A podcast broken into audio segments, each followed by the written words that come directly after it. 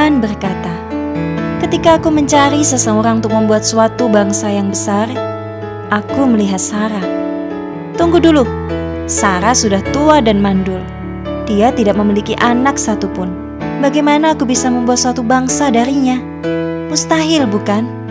Tetapi aku mencari kemustahilan dan melihat sebuah janji. Mengapa aku memilih Sarah?